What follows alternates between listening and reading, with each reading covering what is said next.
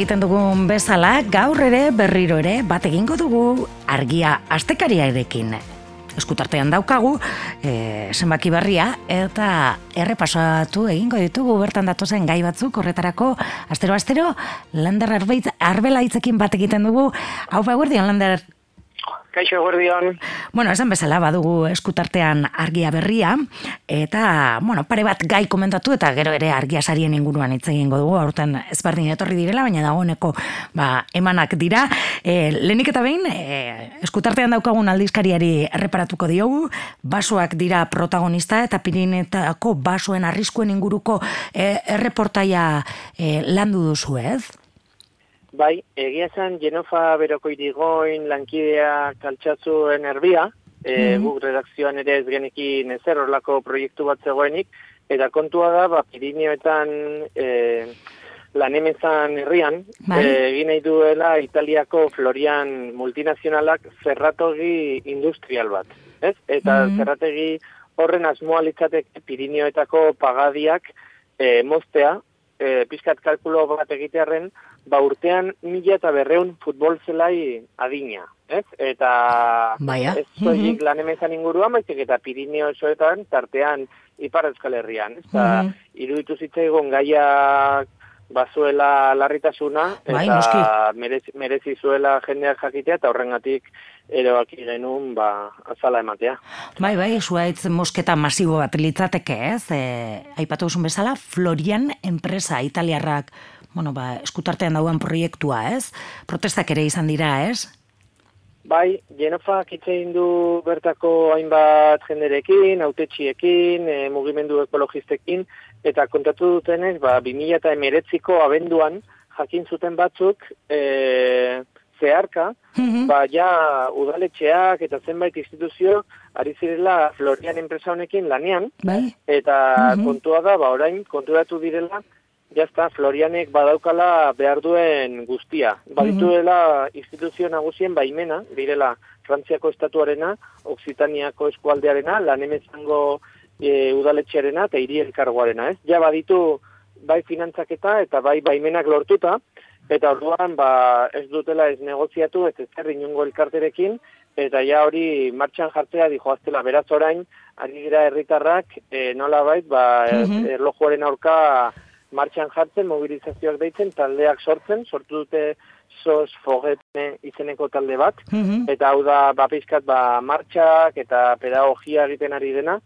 eta nolabait badatuak eta ari dena pues, herritarren artean zabaltzen, bazer gertatzen den, eta egia esan, ba, uste gu talde honi esker e, jabetu garela, eta, bueno, pues, jenafak egin du hauekin, eta beraiek izaten dutenez, ba, bueno, garbi izan behar dugula, naiz eta lan hemen zanen kokatua egon zerre, zerrategi industrial hau, Pirineo osoetako basoak e, dituztela jomugan, eta adibidez, ba, ego euskal herrikoak hasiera batean, ba, mm. e, ez dauden arren, beraien zerrendetan, ba, garbi izan behar dugula, olako proiektu batek, e, e, gainditzen dituela, estatuen mugak, mm eta bestetik, ba, horari direla, ba, nola bait, ba, ekozidio honen aurka borroka egiteko prest, eta bestetikan gehitzen zuten, eta ni mm. honekin ere harritu nau, Mm e, zerrategiarekin batera, lan zanen on, e, onartu dute biomasa e, ko zentral bat egitea,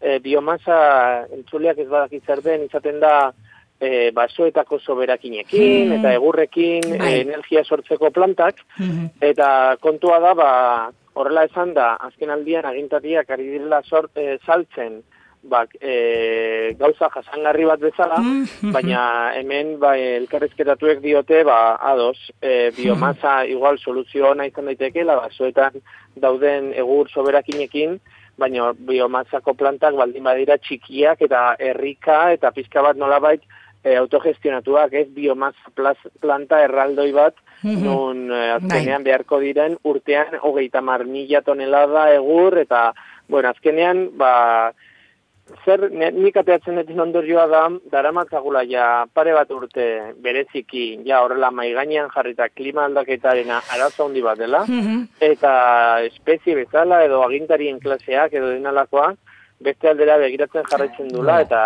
orain azten magera Pirineoetan urtero mila e, futbol zelai mozten, e, beharrik ez dagonean, ba, ja, Bai, bai, bai. eta hortz, usteko modukoa, egiten ari garena. Bai, egia esan, e, aipatu duzu hasieran, ez? E, gainera oso ematen duela urruneko gaia, ez errestakigula, baina, bueno, gertukoa da, eta, eta, eta bueno, ba, jarraipena egiteko modukoa. Ba, interesgarria oso asalera eraman duzuen, ez? E, bueno, ba, Pirineotako e, hausi hori, bestelako kontuak ere e, aipatzen dituzue e, aldizkarian, eta gaurkoan peio zubiriak idatzikoaz, idatzitako artikuluaz, e, mentzatuko zara, osasuna, e, baitere izaten da gaietako bat, e, askotan e, lantzen duena, eta oraingoan ba, txertoen inguruko, e, bueno, ba, hainbat, hausnarketa interesgarri ekartzen dizkigu peiok. Bai, egia esan, e, gaur egun, bai familietan, bai inguruetan, txerte, COVID-aren txertoa mintzagai daukagun garai hauetan, ba, peiok e, asmatzen du, ematen beste ikuspegi bat, bere reportajei, eta jarri dugu mai gainean izenburua da munduko txiroak zain daude. Bai. Nork kenduko die multinazionalei COVID-aren txertoaren jabetza, ez? Eta orduan, ba, pizkat reportajea egin du esplikatzen nola ba, 2000 eta hogeita batean e, txertorik gabe geratu daitezken e, herrialde txiroetako amar biztanletik bederatzi, ez? Mhm. Eta bitartean ba, munduko aberatzenak garen herrialdeok e, ari garela pues, herritar bakoitza, bi, hiru, incluso Kanadan bost aldiz txertatzeko moduko proposamenak egiten, eta badaudela pues, mundu osoko herrialde gehienetan e, COVID-aren aurka borrokan ari diren medikuak eta bar ere Mhm. ez dutela txertori, ez zaiela txertorik iristen, ez? Eta ba, horren arira, peiok e, usten du e, patenteen gaiari, ez? e, Mhm. nola, ez dakit oso ondo nola, nola esaten den, Pfizer edo nola Pfizer edo, ez? txertoa Bai. egiten ari diren Mhm. hoiek, ba, nola bait, ba, Pfizer eta hoiek e, Mhm. bihurtu direla e, goitzetik gauera munduko enpresa e, aberatxenetakoak, Zenak. Mhm. alegia e, aurten irabazi dituzte, biramena bilatuko datua, e, dir, eki dituzte, aurten, e, berrogeita mabi mila milioi dolarreko diruzarrerak, eta horietatik amasei mila milioi dira etekinak, Mhm. alegia jabentzat, ez? Osea, Mhm. imaginatu zen negozio izugarria e, mundu mailako pandemia honen arira, ez? Mhm. Eta mm, kontatzen du peiok, ba, nola badagoen mundu mailako kanpaina bat izena duena The People's Vaccine, e, eskatzen duena COVID-aren txertoak ez dezala auki patenterik. Alegia, e, mundu mailako pandemia bat denez, Denez, mhm. e, ezin dela hori baliatu negozio egiteko, Mhm. ezin dela inorra beraztu horren arira, Mhm. eta eskatu bartzaiela farmazie gainea diru publikoarekin egiten dutela ikerketa e, Big Pharma enpresa hauek, eta gero atxikitzen dituztela behaientzat sekretuak, eta hori baliatzen dutela e, negozio Mhm. egiteko, eta, ezin, eta hori ezin dela onartu, eta dela mundu honen pues, beste sintoma bat, bat zegaizkiri joan, eta aparte, esaten du peiok, e, jasotzen du, ba munduko aberatxe noi, ere, interesatzen zaigula mundu osoa Eh, e, noski. txertatzea eta Mhm. immunitatea lortzea, Mhm. zeren bestela, eh, ze pentsatzen ote dugu. E, imaginatu guk, Euskal Herri osoa txertatzen dugu, Frantzia, Alemania, Estatu Batuak, ez dakitze, bakitzer, herritar guztiok txertatuta, baina mundu osoan baldin badago jendea eh, txertatu gabe, e, virusak, erresistentzia berriak lortzen ditu, virusak da inoiz Mhm. amaitzen, eta segituko dugu roi honekin, ba ez dakitzen bat urtez, ez? Tordun, inkluso guri, izan da e, gureko jutxak, Bai. e, aberatxe noi, interesatzen zaigula mundu osoko herritar guztiak Txertatea, Beraz, eta ba, negozioak pizka bat bai. alderatzea, ez? Al- Albo bai, batera. hori da. Mhm. Beraz, badago reportaje honetan ere bai, peio kontatzen du nola eh, herritar, pues bai, Ego Afrikak eta Indiak eskatu zuten nazio batuetan eh, txertoen patenteak entzean, nola erresuma batua eta estatu batuak guztiz aurka Mhm. eh, bozkatu Zuten. zuten, eta bueno, nahi batu entzuleak pizka sakondu gai honetan oso potentea dena, eta Mhm. geopolitikatik ere asko duena. Asko dauka ere ba, hortaz. bai. Peioren eh, reportajea Mhm. oso gomendagarria. Bai, bai, eta virusak muga asko ditu, naiz eta esan duten mu- mura, mugarik gabeko virusa dela. Bueno, ba, hortxe hausnarketa horiek, e, aipatu dugu hasieran ere, e, argiasariak aurreko asteet, astean e, eman zirela, orten guztiz ezberdin egin behar izan duzue, ez da egon, ez, topaketa topalekurik, baina, bueno, hala ere, ba, urteroko zita e, izan da, ez, eta, bueno, ba, sarean bada, e, bueno, ba, bakoitzari bere, bere saria eskeni diezue, eta errepasatu egingo ditugu, zeintzuk izan dira aurten jaso dutenak argia saria?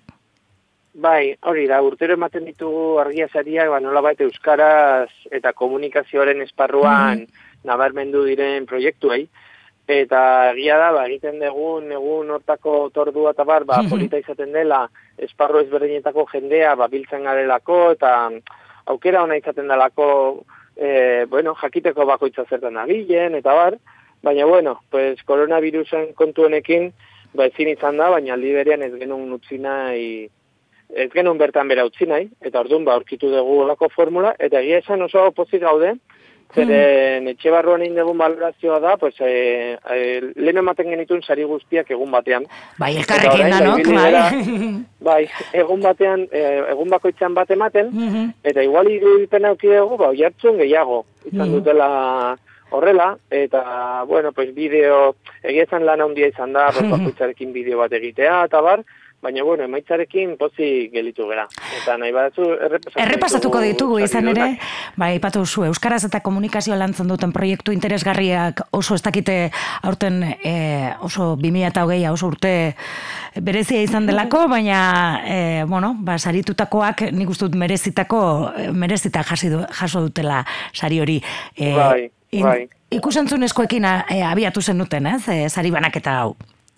Bai, ikusentzunezko saria eramantzun ondarra hoak mm -hmm. telezaiak, e, ba, bueno, iruditu zitzaigulako mm askotan, ba, ete beri eta barrezkatzen diogu fikzioa edo telezaiak, zer txukuna edo, bueno, e, eskatzen zaio ete beri beste salto bat ematea eta iruditu zaigulako, ba, ondarra hoak, bai izan dela inflexio puntu bat euskarazko telesaien historian, mm -hmm. Eta oso oso oso landua, mimo ondiarekin egindakoa, eta bueno, pues gure gure ustez izan da sari on bat eta merezi zuten eta bueno, egilek e, kontatu dute niri balio izan dit e, beraiek pozi gelitu direla mhm. baina ikusi dutela ze baldintzatan eta ze aurrekontu txikiarekin egin behar izan duten eta mai gainean jartzen dutela ba, behar bada euskarazko telesailgintza e, bultzatu -hmm. bultza daitekela, argi ikusten dela posible dela, baina ETB ke, baliabide pizkat gehiago jarri bat ditula, eh? Mm ezin, ezin dela dena ETB biko superprograma gutara bideratu, mm -hmm. eta bereiek nahi dutela jendeak ba, lan baldintza txukunetan egitea eta gustora egingo lituzketela gehiago, beraz, nire ustez, merezitako saria, ondarraroa. Bai, eta gaina, interesgarria, e, bueno, ba, koldo almandoze botatako hausnarketa horiek. Kampaina bai. ona ere saritzen duzue, eta aurten ere, saldibar argitu plataformak egindako lana e, nabarmendu nahi izan duzue.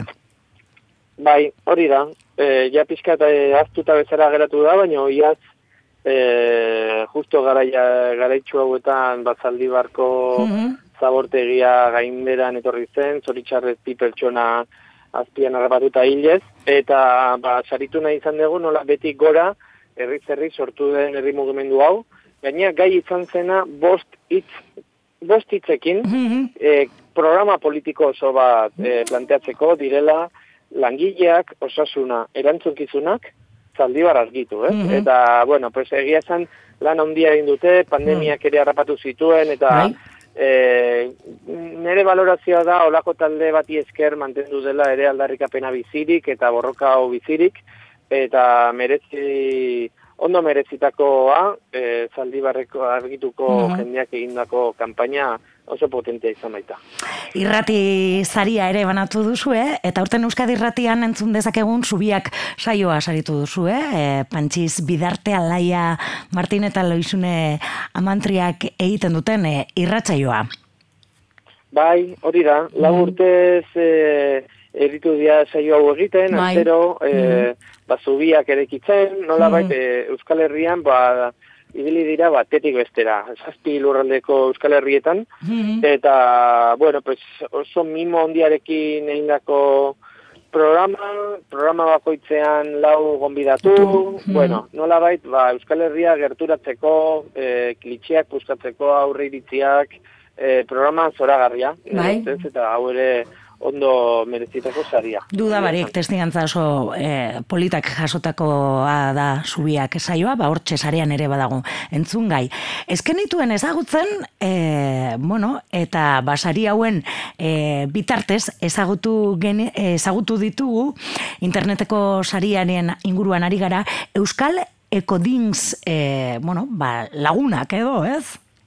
Bai, pirata hutsak. Egia e, bai, da oso proiektu potentea, Mhm. eta saria eman nahi izan diegu, ba, justu horrengatik, jendeak jakin dezan, zelana egiten ari diren, Bai. hauek dira aktivista anonimo talde bat, daramatzatenak urteak, euskarazko e, filmak, telesaiak, marrazki bizidunak, modu piratan webgune batera igotzen. Mhm. Legia, eh, askoren ustez ETBek egin beharko luken lana, beraiek egiten dute, Mhm. eta ba, norbaitek bilatzen badu, entzuleak bilatu nahi badu Googleen Euskal Encodings, zerekin, Encodings. encoding, jer- je- E E-N-C-O-N-D-I-N-G-S, e, dakate foro bat, bertan doaz materiala igotzen, eta egiten dute izugarrizko lana, eta noiz eta filmin, Netflix, Amazon, HBO, e, horrelako plataformak zabaltzen eta zabaltzen ari diren gara hauetan, nun ia euskaldunok ere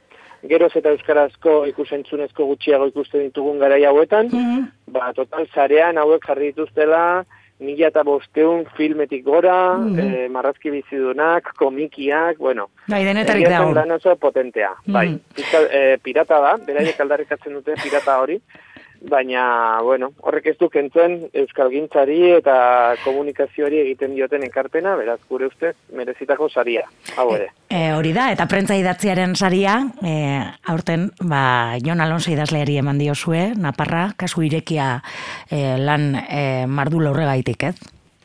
Bai, egia Jon, Jon Alonso e, aurkeztu berri du e, Naparrari buruzko kazetaritza liburu bat. E, bueno, berrogei urte bete dira Naparra desagertu zela, eta egia esan nik ez dut irakurtzeko aukerarik izan, baina lankide batzuk bai, eta hauek esaten dute e, lana dela benetan izugarria. E, Jon Alonso egin Mhm. duena, ez dakitzen bat urtez, e, Mhm. ikerketa lana, jaso du, e, auziari buruz dagoen guztia, dauden hipotesi guztiak, berak ere mai gainean jartzen ditu bere iritziak, Mhm. eta bar, eta orduan izaten du, hemendikan aurrera norbaitek zerbait egin nahi badu naparrari buruz, ja liburu honetan ja jo bardura. Beraz, ba, guretzat ere, pues, pos handia horrelako lan bat zaritzea, eta, bueno, Mhm. oiatzun pizkat ematen laguntzea. Bueno, ba, hori esek izan dira, aurtengo argia sariak, 2000 eta hogeian eginiko lanak saritzen dira hogeita bat hasiera honetan. Gaurkoan guk ere tarte honetan aipatu nahi genituen, aldizkarien kontu gehiago ere e, irakurtetzeko aukera dago. Ba, bueno, entzuleari gonbitea lusatuko diogu, hortxo eskutartean baduen, argia.eu zen ere badituzuelako edukiak. Ba, Lander, datorren astean egingo dugu bat berriro ere bilbiria irratitik argia astekariarekin. Otsondo, datorren azterapean. Bai, agur! Agur.